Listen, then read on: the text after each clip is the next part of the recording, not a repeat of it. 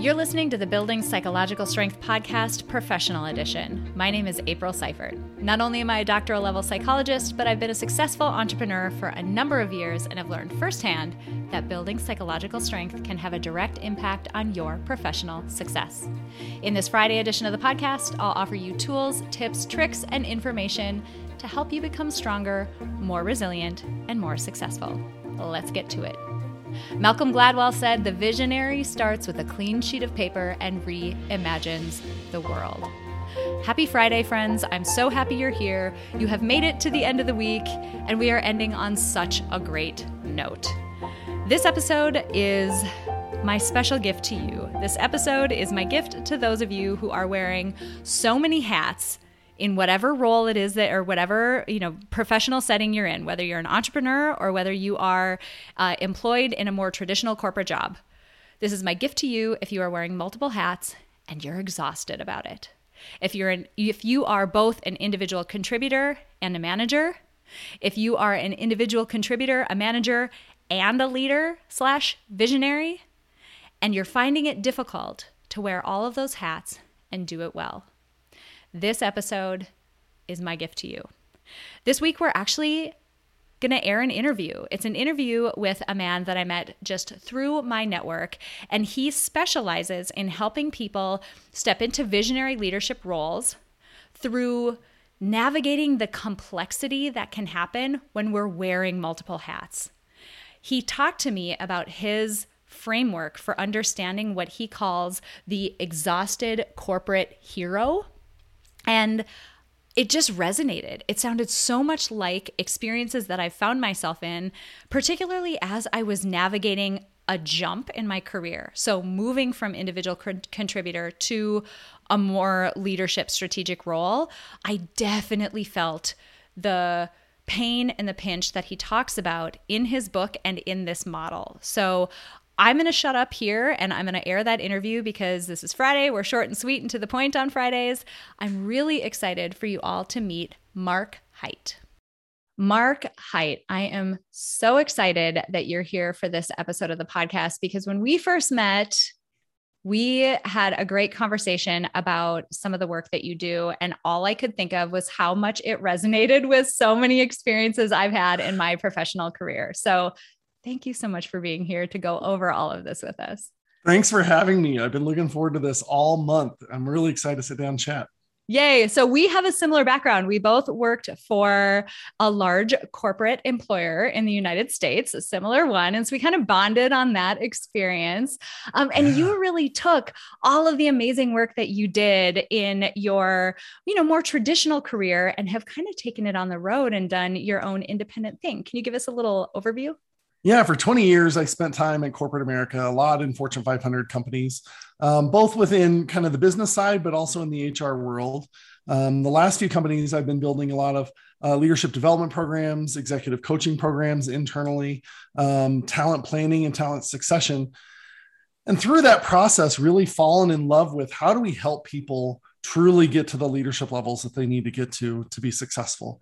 And so uh, went out on my own and, and started my company Game Plan Leader because every leader needs a game plan. Um, and, and it's just been so much fun ever since.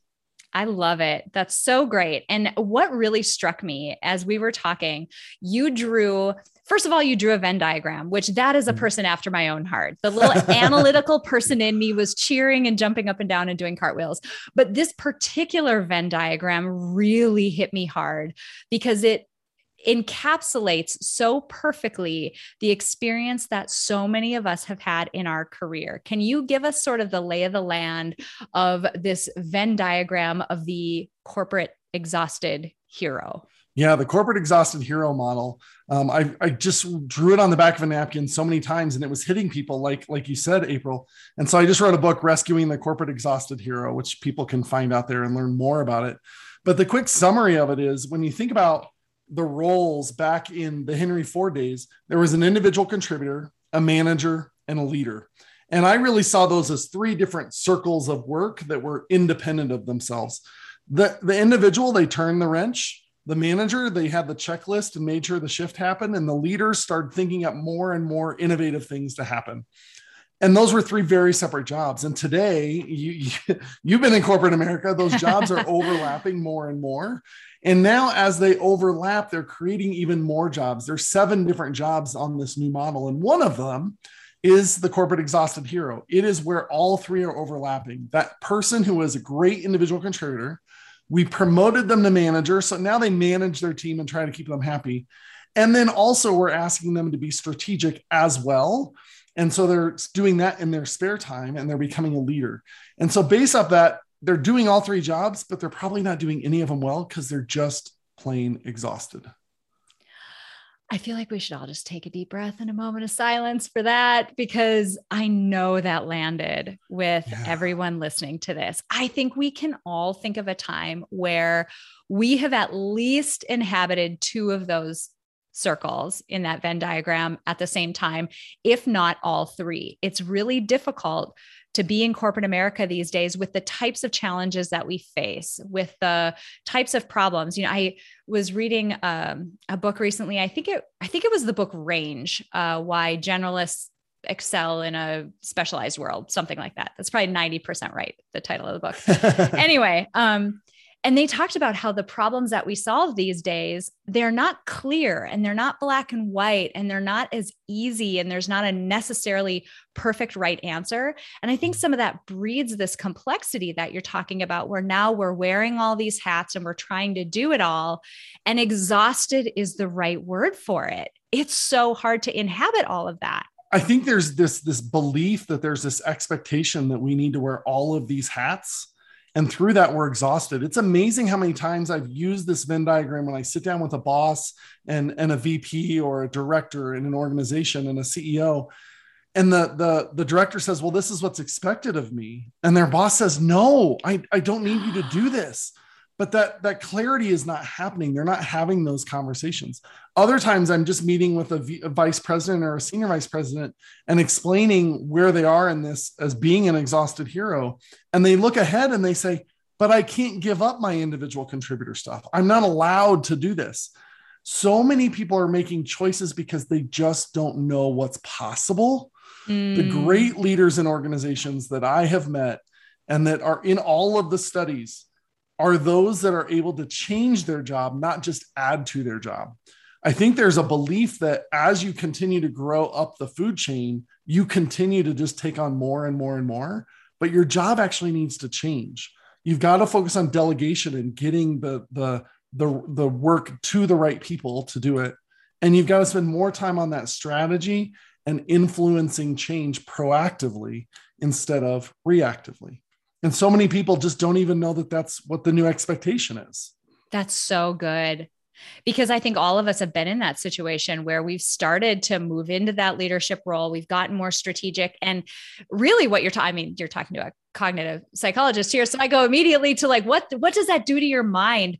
And thinking about the details of being correct and QAing something and um, executing to a deadline is such a different way of thinking than trying to be strategic and creative and mm-hmm. invent something out of nothing. And yet we wonder, why is this hard? Like, yeah. why are we struggling? Why are we not able to do this so well? It must be something wrong with me. I must be ineffective. I must not be that good why are all these fires continuing to be set around me? I can't understand why everything is so reactionary. And the main reason why is you're not doing your job as a leader. Oh. So, a oh. metaphor that I use often is when you think about a fire, let's say a building is on fire. When the when the fire department shows up, it's not an emergency to them. Like they've planned for it. And the first thing that happens is the fire chief gets out and they set up a command post. And that command post, the fire chief directs the firefighters of where to go. And they're continuing to direct them throughout the process because they can see the whole fire from the outside and they can get communications from inside and they can direct people to put out the fire. So many fire chiefs in corporate America are running into the fire with their teams. Follow me, watch me. We're going to do this together. And in doing that, the fire continues to burn and set new fires around them because nobody is watching the big picture. And I think it's it's not just okay, you need to be a big picture strategy thinker. It's also the realization you can't go into the fire. The moment you go into the fire, your team is now lost great vision of how to actually put it out. And so I often am helping people see with this model if you're the exhausted hero, you're the fire chief that's running into the fire and the fire continues to burn. If you are a strategic manager, a strategic leader, you're the person who's standing outside the fire, directing the firefighters to put it out. And even more, you're the person who's analyzing how does this fire never get set again? Oh, that's good. But you can't do that if you're in the fire. No. Oh, that's so good. It's such a great, and I love analogies, and it's such a great analogy of the uh, perspective that you need to have as a leader. I'm hearing a couple of so far really tactical things. Like you said something, uh, you know, a few minutes ago around you know, we make these choices. And, you know, what I'm hearing with the choices that we're making is they're largely based on unchecked assumptions. I have to keep doing my individual yes. contributor role because they, yes. this is what's required. And their, their boss is like, no, it isn't. What are you doing? Mm-hmm. It's an mm-hmm. unchecked assumption. We take it as though it's true and we march ahead as though those are the rules. So that's one thing I heard. The second thing I heard is this idea of starting to delegate and truly, you know, you know taking the position of helping your team take on those tasks to do versus doing them yourselves or yourself what are other things that you see people either doing or not doing that keeps them in that exhausted center position or even in an exhausted role that might be imbalanced in some of the you know intersections between two of those circles? Yeah when i think about the leader role, there are three key behaviors I put in the leader role creating a vision, influencing change, and coaching others. Those three things as a leader are ways that you're getting proactive, you're getting ahead of the, the, um, the game, and you are leading people to a new path. With individual contributors, the three behaviors are driving results yourself, learning or teaching others something, and truly becoming a technical expert. So, what I often do is I'm coaching executives who are moving from that exhausted hero into that strategic manager or even visionary role is really say, what are those things in that individual contributor that you need to stop doing? You are the technical expert. Okay, how do we get somebody else on your team to be the technical expert? How do you spend three months training them so you don't have to be that anymore? Um, you you are leading all the training classes. Somebody else could do that once they become a technical expert. And drive results. What tasks are assigned to you that you can give to somebody else? So there's an aspect of understanding how those behaviors are playing into your time.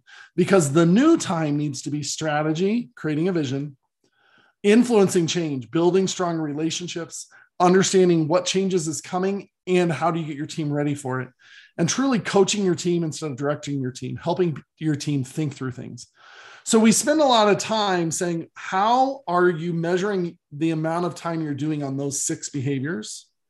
And how do we make a shift? How do we get rid of some of those behaviors that are individual contributor? And how do we add on some of those other behaviors that are needed um, to be a leader? And so many of those are spare time to these individuals. That's what I'm finding is, oh, I create vision all the time. Awesome. How much did you spend on that this week? Well, I went to a conference back in May. Oh and they're not making it part of every day. Um, how are you influencing change? Are you meeting with your peers? Not really. How often do you meet with your team? Once a week. Um, there isn't this aspect of how are they building relationships to truly influence things to go forward. And so we spend a lot of time understanding truly what those those um, roles are. Those are big mistakes that people are making. Is they're too stuck in what they know, and not building in the new skills of what they need to to, to learn and gain as you i had a just a light bulb moment go off as you were describing the the even just the piece around influencing change the degree to which you need to be meeting and collaborating with other people having deep conversations you know thinking sitting and thinking about these larger more complex problems. What i can imagine is happening inside people's minds is exactly what happened in mine. And i think you're going to start laughing and say duh that's the point is when i hear this i think but that takes so much time to have all those conversations.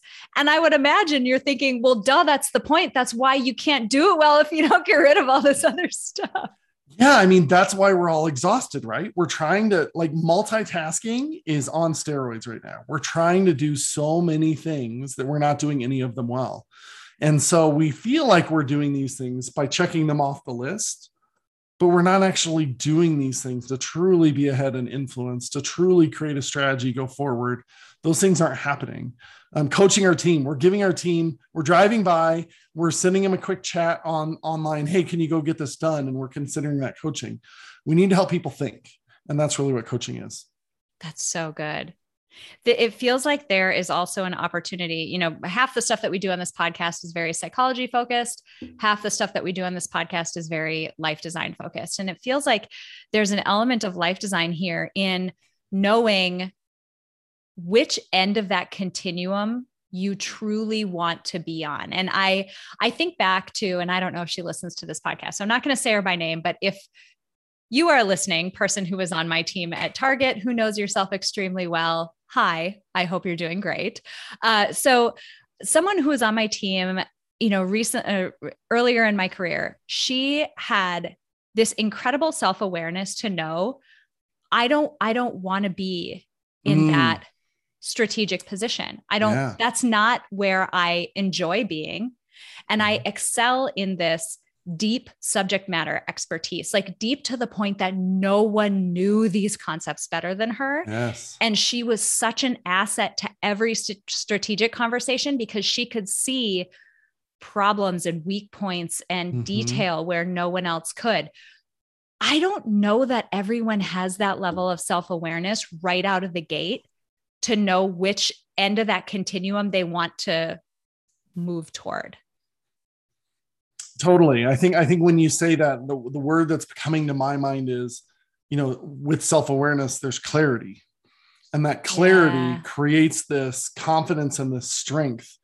And when i think about the exhausted hero trying to do it all there isn't that clarity. So whether you decide i just want to be an individual contributor there's clarity.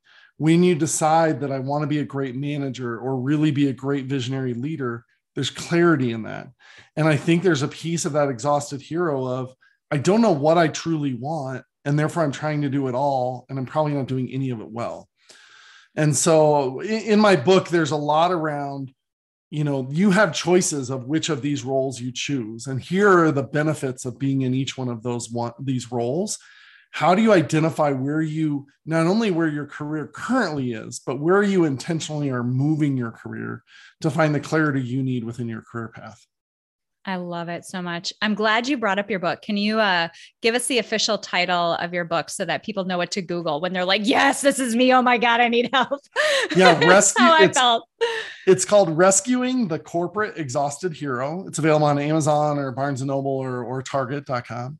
Um, my last name is Heydt, H E Y, D is in dog, T is in Tom. And so you can search by that as well. Um, but it, uh, what I'm so proud about the book is it's not just it's not just illustrating an idea. There's a lot of actionable things of if you want to move to another level, here's some different tactics or ideas or or ways to build the skills that you need to to move to another level. There's also a lot in there about how to have a conversation with your boss around this. It's a great conversation starter with your boss to bring out this model and say, I think I'm here. Where am I supposed to be? Where do you see me? And where do you see me going to? And how do we build a plan around that? And so there's a lot in the book around that as well. Um, so, yeah, you can check it out at any point in time. Rescuing the Corporate Exhausted Hero.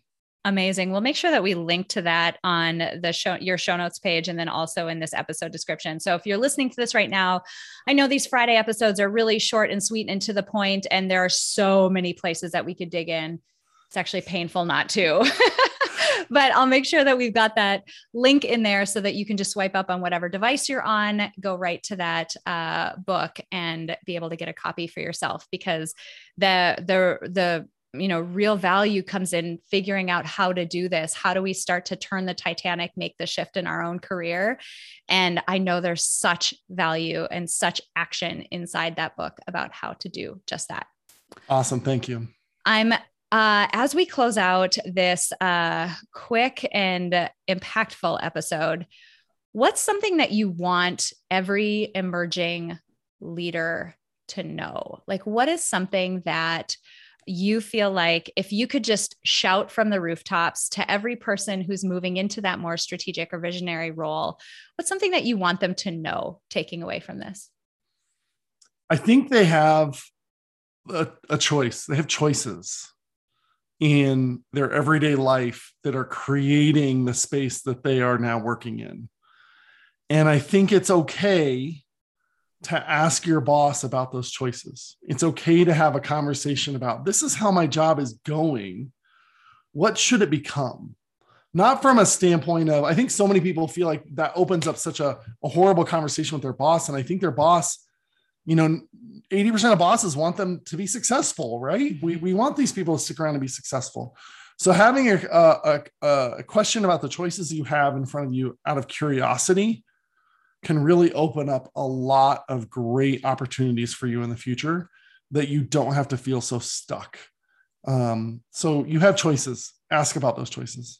This was so good. I love it so much. Can you give us a really quick one more URL? Tell us where we can find yeah. you online if people want to learn more from you or learn more about what you do for uh, organizations. Yeah, if you go to gameplanleader.com, you can see all about my business. You can order my book from there. You can schedule 30 minutes with me, um, but also you can find all my stuff on Instagram and um, Facebook through that URL as well. Um, I post a lot of um, what weekly challenges to managers um, out on, on Instagram and on LinkedIn. So definitely find me there. But you can find me at starting at gameplanleader.com.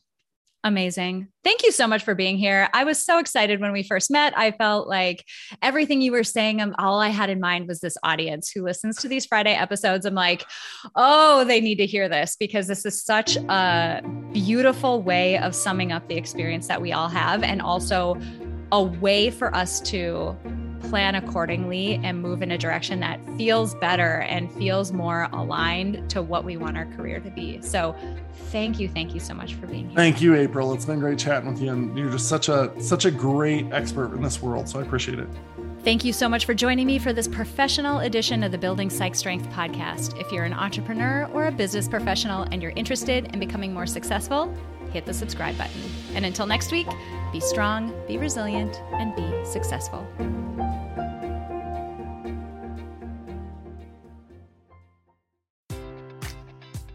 Enjoy all your favorite sports like never before at BetMGM. Sign up using code CHAMPION and receive up to $1,500 back in bonus bets if you don't win your first bet. When you register with BetMGM, you'll get instant access to a variety of parlay selection features, live betting options, and the best daily promotions in the business. And with BetMGM at your fingertips, every play and every game matters more than ever. Remember to use code CHAMPION and receive up to $1,500 back in bonus bets if you don't win your first bet. Place your money line, prop, or parlay bets with the king of sportsbooks today. BetMGM and GameSense remind you to play responsibly. See BetMGM.com for terms. 21 plus only, Virginia only. New customer offer, subject to eligibility requirements. Rewards are non withdrawable bonus bets that expire in seven days. Gambling problem? Call 1 800 Gambler. Promotion, promotional offer not available in Washington, D.C. At Parker, our purpose is simple. We want to make the world a better place by working more efficiently, by using more sustainable practices, by developing better technologies. We keep moving forward. With each new idea, innovation, and partnership, we're one step closer to fulfilling our purpose every single day. To find out more, visit parker.com/purpose. Parker, engineering your success.